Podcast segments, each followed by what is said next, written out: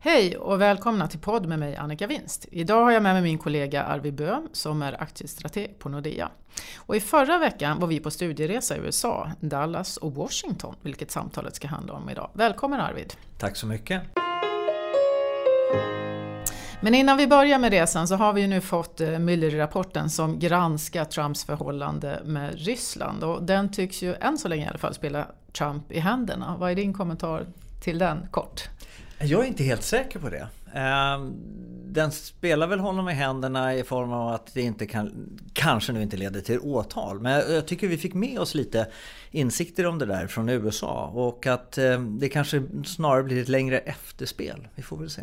Mm. Och man kan ju inte fälla eller döma en president men det kan vara fler personer runt omkring som kan komma tillbaks. Ja, och framförallt nu när det fortfarande hänger lite i luften huruvida man kommer offentliggöra hela rapporten eller inte. Så gör man det inte då kommer jag tror det vara som ett ok i hela diskussionen varför den inte blir det. Och, och sen om den blir då eh, offentlig så undrar man ju, mm, blir det något ytterligare efterspel efter det naturligtvis? Mm. Samtidigt så träffade vi ju personer i USA som sa att det är lika bra att Demokraterna lägger det här bakom sig och fokuserar på kommande frågor och framtid istället. Ja, och jag, jag, tror att det låser naturligtvis den politiska diskussionen. Eh, och att man inte gärna vill kanske driva en, en process det var väl väldigt tydligt mot en president mm. om man kan undvika det. Eh, och därför så kan det ju bli efter Trumps presidentskap nu när vi mm. får se när det är ja. över. Men, men eh, det kan det ju absolut bli. Mm. Bra, vi ska komma tillbaks eh, till det och nosa på det i alla fall. Men om vi går över till vår resa då, mycket kort. Är du mer optimistisk eller pessimistisk idag än innan du reste? Jag tror att det är svårt att komma hem eh, från USA. Framförallt kanske om vi lämnar Washington DC och man besöker andra delar av landet och inte blir smittad av den här enorma optimismen och framåtandan och drivet som ändå finns eh, i mm. så mycket det, i USA. Det beror kanske lite på var man åker men nu åkte vi ju till Texas och eh, Dallas. Där var det ju verkligen optimism. Ja, och, men jag, jag, vet inte. Nu ska vi prata Texas. Men jag, jag tror att det är genuint i, i, USA. I alla fall min lilla erfarenhet jag har från andra delar. Och att jag tror att man alltid hittar så att säga, möjligheterna snarare än problemen. Eh, det gör man säkert. Vi besökte ju Detroit för något år sedan och även där var man optimistisk. Och, och man hade fått näsan ovanför vattenytan. Ja, och där har det ju hänt rätt mycket från ett, ett dödgrävarläge för, mm. för 5-10 år sedan naturligtvis. Men som svensk var det ändå lite svårt att förstå vad man var så optimistisk om tycker jag. Ja. Men det är inte det vi ska prata om idag utan eh, vi var ju som sagt var i Texas och i Washington. Om vi börjar med Texas så åkte vi dit för att vi ville få lite mer grepp om energisektorn. Och också om USAs roll eh, roll vad gäller hållbarhet. Eh, Trump har ju avsagt sig eh, Parisavtalet. Eh, och jag tänkte själv börja med att säga att jag drog tre lärdomar från Dallas. Och ett, man var mindre beroende av energisektorn och därmed mycket mer diversifierad än vad jag trodde. Ungefär 7 procent, lite beroende på hur man räknar det, kan man lägga i energisektorn. Så att det speglar ju då en optimism, man är lite tryggare när man inte tungt väger på på just bara en sektor. Och sen nummer två, det var att alla pratade om easy life. Det vill säga att det var väldigt lätt att leva där. Det fanns gott om jobb, man betalar låga skatter, man har låga boendekostnader, det ger mer pengar över. Och det var också lätt och billigt att driva företag där. Många företag flyttar dit och inte minst såg vi nu huvudkontoret i Toyota, eller från Toyota som hade flyttat dit eh, nyligen. Eh, och den tredje slutsatsen som jag vill lyfta här det är ju att hållbarhet är ju egentligen inte på agendan i USA, kanske inte i alla fall i, i Texas och Dallas. Men man gör ändå en hel del. Eh, man funderar på ett snabbtåg nu mellan Houston och eh, Dallas. Man var ganska tidig på vindkraftverk och man har världens första kolfria flygplats.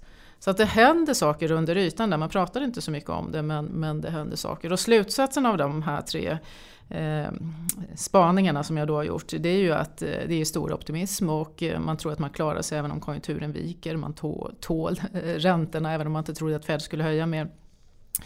Eh, och, eh, men det är förstås skillnader mellan olika städer och regioner där Houston är mer beroende av energisektorn. Sen ska man komma ihåg att Texas är den region som bidrar näst mest till tillväxten efter Kalifornien. Så mm. ganska stor optimism. Mm. Vad var dina takeaways? Ja, och, och spinna lite på det du sa så tycker jag ju det är ju USA i ett nutshell och, och kanske i synnerhet Texas då i det här fallet. att Eh, man kanske inte driver ESG-frågan, miljöfrågan eh, på samma vinkel som vi kanske är mer vana vid här hemma. Men, men att eh, det är frågan man kanske ställer, what's in it for me? Och det är klart att man skulle gärna känna ett, ett globalt ansvar eh, eftersom det är en global utmaning. Eller i alla fall en global lösning. Men allt det här du nämner, vindkraften eh, investerade man tidigt in för det fanns möjlighet att tjäna pengar. Det fanns en möjlighet att också diversifiera sig från de stora oljeprissvängningarna. Nummer två, det här snabbtåget är ju inte ett offentligt initiativ eller en, inte ens ingår eller vilar på Trumps, eh, Trumps ambitioner på stora infrastruktursatsningar. Utan här är det för att man tror att det finns ekonomi i det helt enkelt och det är helt privat eh, eh finansierat. Mm. Eh, jag håller med dig. Eh, de tycks göra, utan att prata så mycket om det, i bemärkelsen att om man ser att man har en utmaning eller behöver lösa ett problem och då klimatet är ett alternativ så väljer man det. Och jag tycker det var ganska intressant när man skulle presentera, vi lyssnade på en person som drev det här eh, snabbtåget som ska gå emellan Houston och Dallas då som har 7,4 miljoner invånare var, alltså väldigt många människor, betydligt fler än vad Sverige har totalt. Och när man pratar om 16 miljoner eh, resor. Eh, så, så hade man då en lista på argumenten varför man skulle införa det. Och det var fem eh, argument och eh, klimatet fanns inte, överhuvudtaget inte med. Och då frågade jag mig efteråt, eh, är inte klimatet eh, intressant här? Och nej, det är inte det man säljer det på i Texas utan man säljer det på att det är en bra investering och att det är ett område som är tillräckligt stort. Och det är ju dessutom helt flatt, landskapet däremellan. Eller platt heter det på svenska. Eh, så att det är ganska lätt att lägga ut det här. Men man får ju onekligen eh, lite funderingar med tanke på de diskussioner vi har i Sverige med betydligt färre invånare, mycket mäckigare eh, terräng och mm. väldigt ja, många färre resor. Ja, och det här visar ju hur, vilken skala man kanske måste ha. Mm. I alla fall komma i närheten av för att få en sån här investering och, och komma i mål. Och sen så var det väl ett stopp på vägen mellan de här två metropolerna. Inte mer än så. Och det var ju ett ganska betydelsefullt stopp också på vägen. Mm. Ehm, så att det visar ju också att om du ska ha ett snabbtåg så måste det gå snabbt. Ja, och man skulle ju dra ner tiden där. Det, jag kommer inte ihåg, var det 4-5 timmar det tog idag och så skulle man landa på 90 minuter tror jag. Någonstans där i alla fall. Ja, jag, jag tror att de räknar från Houston till Dallas eh, med bil så är det väl upp till 6 timmar. Eh, och sen så går det ju naturligtvis snabbare att flyga idag. Men det är det de benchmarkar lite mot. Eh, tiden att ta sig till flygplatsen och ta sig igenom flygplatsen och flyga ner och sen motsvarande så, så det är den tiden som de konkurrerar, eller ser att de konkurrerar med. Mm. Samtidigt har de eh, en flygplats som har fått pris, eh, den första kolfria mm. flygplatsen som vi också mm. besökte. Och en ganska stor flygplats. Ja, gigantisk mm. flygplats med, med svenska mått mätt. Eh, Okej, okay. eh, så positivt i, i, eh, Dallas och Texas. Eh, skulle du kunna tänka dig om du ska flytta till USA, flytta till Texas? Mm, en bra fråga. Jag skulle nästan vilja ställa den detsamma till dig. Men om jag börjar då, för att säga så.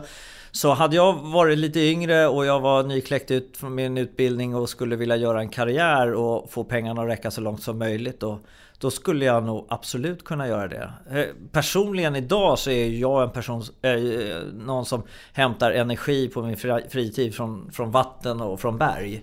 Och, och det, är, det finns det inte särskilt mycket av just i Dallas. Så jag kanske skulle söka mig till Houston då. Ja.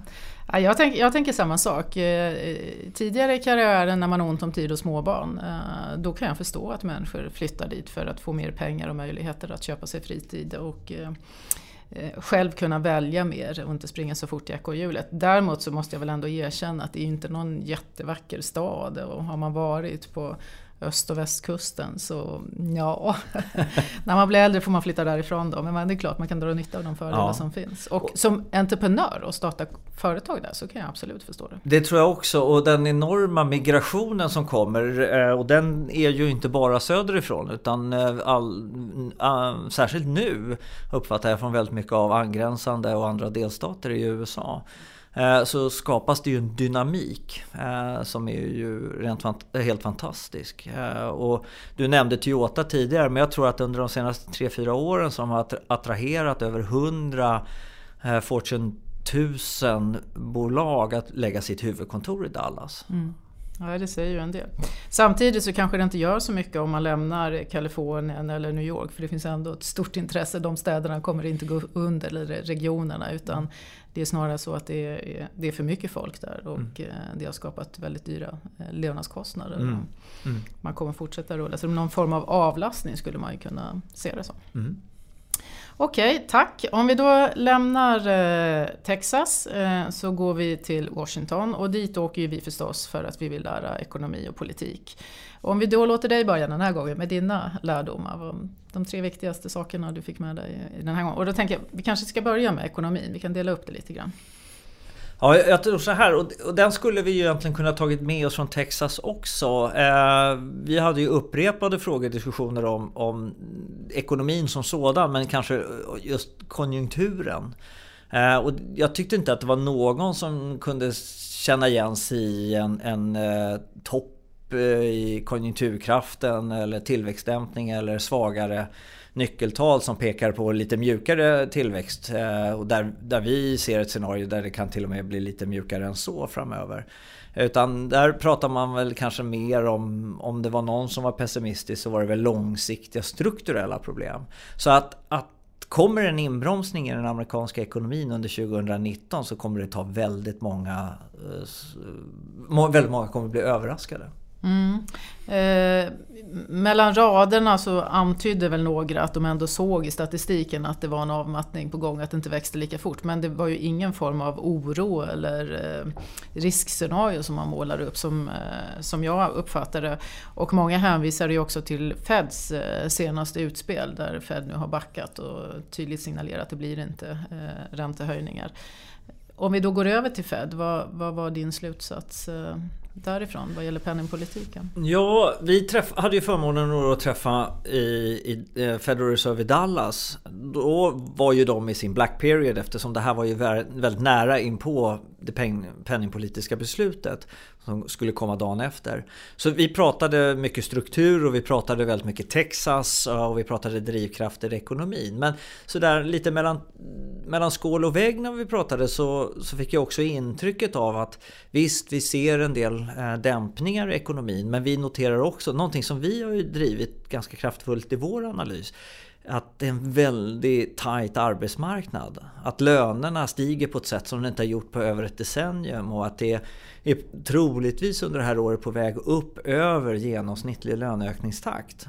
Um, och, och, med det i bagaget så kanske jag ändå måste säga att jag blev lite överraskad hur mjuk eh, Federal Reserve valde att bli redan nu. Ehm, I kommunikationen förra veckan då.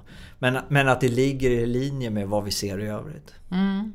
Eh, det håller jag med om eh, och det ser vi ju också i statistiken att lönerna är ju upp i USA väldigt mycket mer än vad de är i Europa och i, Sverige till exempel. Och det är också ett skäl till att Fed har höjt räntan också mer än vad, vad vi har sett här hemma. Samtidigt så hade, man ett, eh, hade vi ett resonemang där borta om att frågan är ju om inflationen beter sig som den har gjort historiskt. Det finns en risk att ekonomierna fungerar annorlunda och att mm. det inte spiller över i vanlig KPI-inflation eh, och, och eh, den diskussionen. Men om man, om man tittar utifrån ett marknadsperspektiv idag så är det ju ungefär hälften hälften för en sänkning prissatt. Mm. Eh, delar du den uppfattningen eller?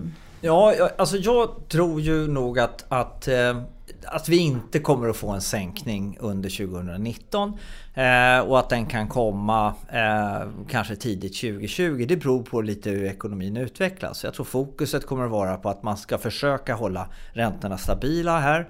Och eh, som man har kommunicerat också adressera eh, en normalisering, eh, det är väl fel uttryck, men i alla fall att man slutar med sin, det som kallas för quantitative tapering. Då. Och att stabilisera balansräkningen på, på den här nivån, eller den som vi förväntas ha då till hösten.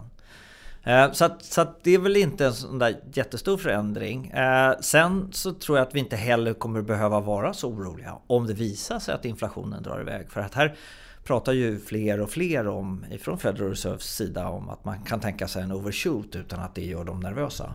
Man kan ligga ju... över inflationsmålet. Ja. ja. Och, och, nu har vi ju massa tal under den här veckan mm. så det blir spännande att följa det. Mm. Men jag skulle bara kort vilja komma tillbaka till din poäng som jag tycker är rätt viktig med att det är inte säkert att det här blir inflation.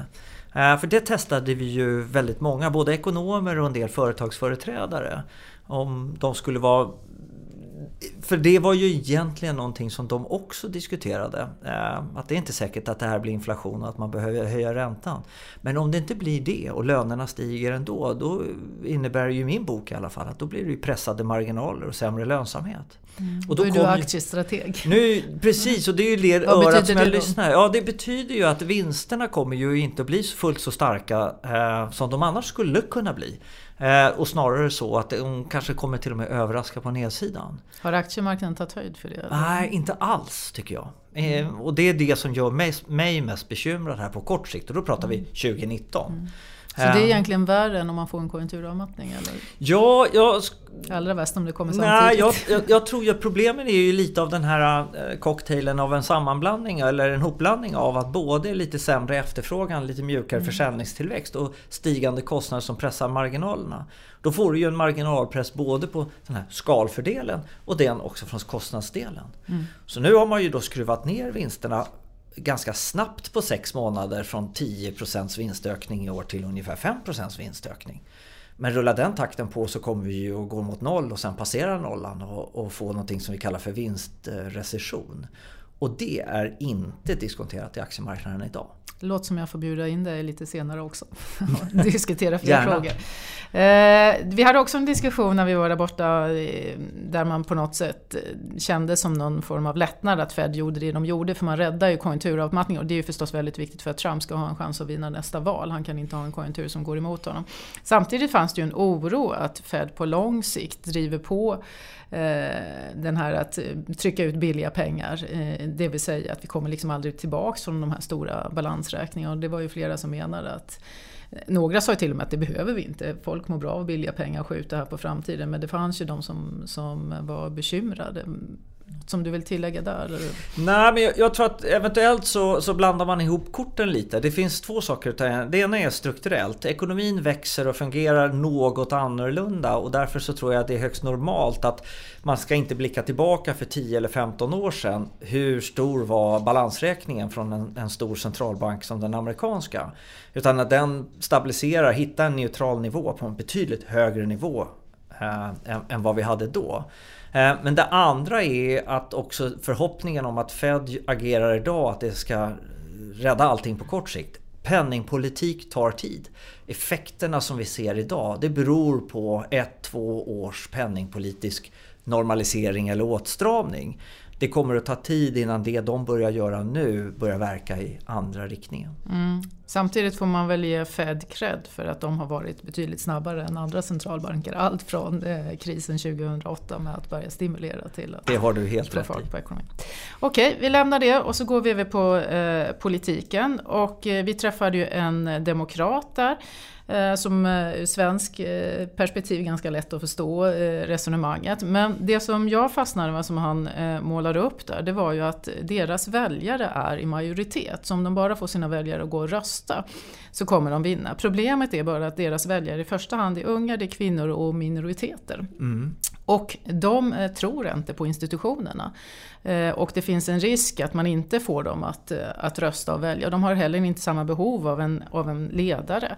Utan de agerar på sociala medier och det vet man hur snabbt unga eh, duktiga kommunikatörer kan få följare på, på nätet. Och jag uppfattade det som att eh, han var ganska uppgiven, eh, demokraten. Även om han var klok i sitt resonemang vad de behöver göra så, så, var det inte helt öppet att de skulle lyckas få fram en partiledare och, eh, för, för nästa val som håller måttet. Och problemet är ju att partiet har svårt att styra vem som blir. Det handlar ju om fundraising, alltså hur mycket pengar får respektive person in. Och det är ju väldigt precis. ovanligt från det svenska systemet. Mm. Men det är så det fungerar i USA. Mm. Vad, vad drog du för slutsatser av Ja, det första var ju att det var lite förvånande ändå att komma från en sån namnkunnig demokrat så högt upp i Washington. Att, att de pratar om vem som får flest röster. För så fungerar ju inte det amerikanska valsystemet. Så kan man tycka vad man vill om det. Men, men det är ju en sammanblandning av olika saker och det handlar om att få, få flest röster där flest röster räknas. Mm.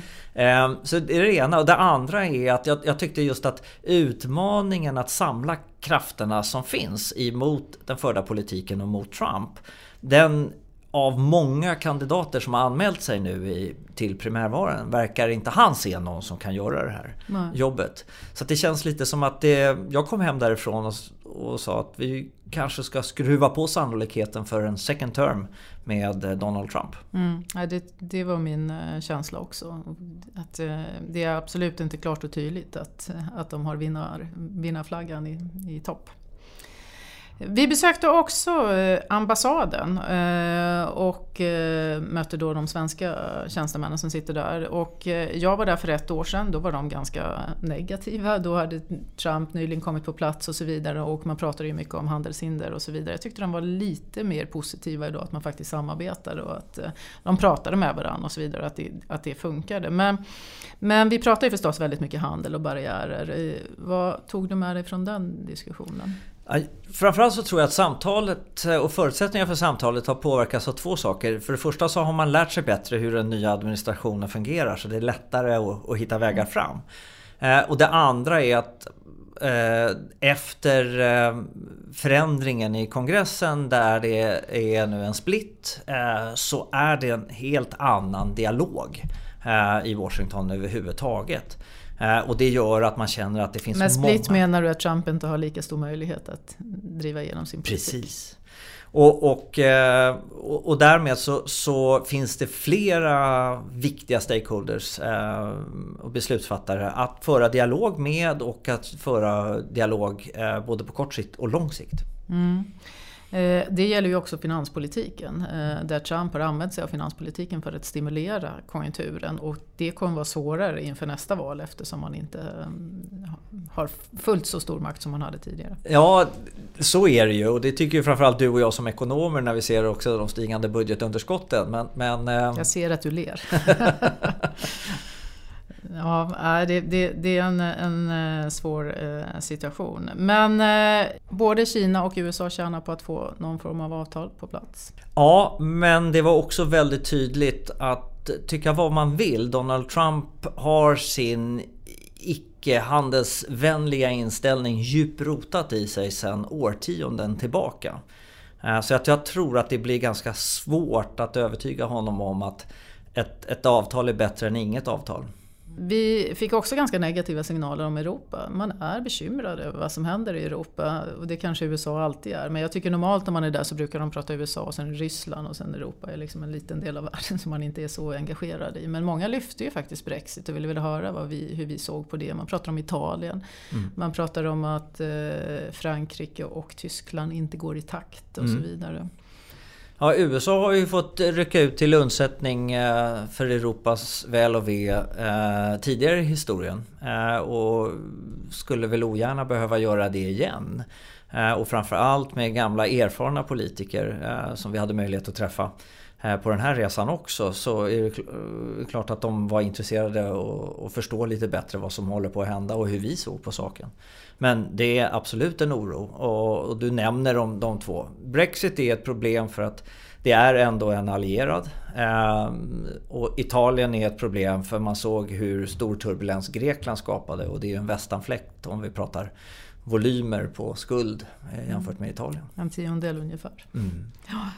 Okej, okay, jag tror att tiden har runnit ut men är det någonting som jag har missat att fråga om eller som du vill tillägga eh, innan vi avslutar? Nej, men, men eh, att det som händer i Washington DC som vi följer väldigt gärna och väldigt noga utifrån när vi tittar på USA eh, så måste vi påminna oss hela tiden om att det händer väldigt mycket bland de enskilda, ganska självständiga federala staterna. Mm. Och slutsatsen från både dig och mig, om jag tolkar det rätt, var att eh, som vanligt är man lite mer optimistisk när man kommer hem därifrån. Däremot mm. finns det en risk utifrån ditt perspektiv från aktiemarknaden. Mm vinsterna framöver. Det får ja. vi komma tillbaks till. Stort tack för att ni har lyssnat. Tack Arvid för att du var med och på återhörande. Mycket.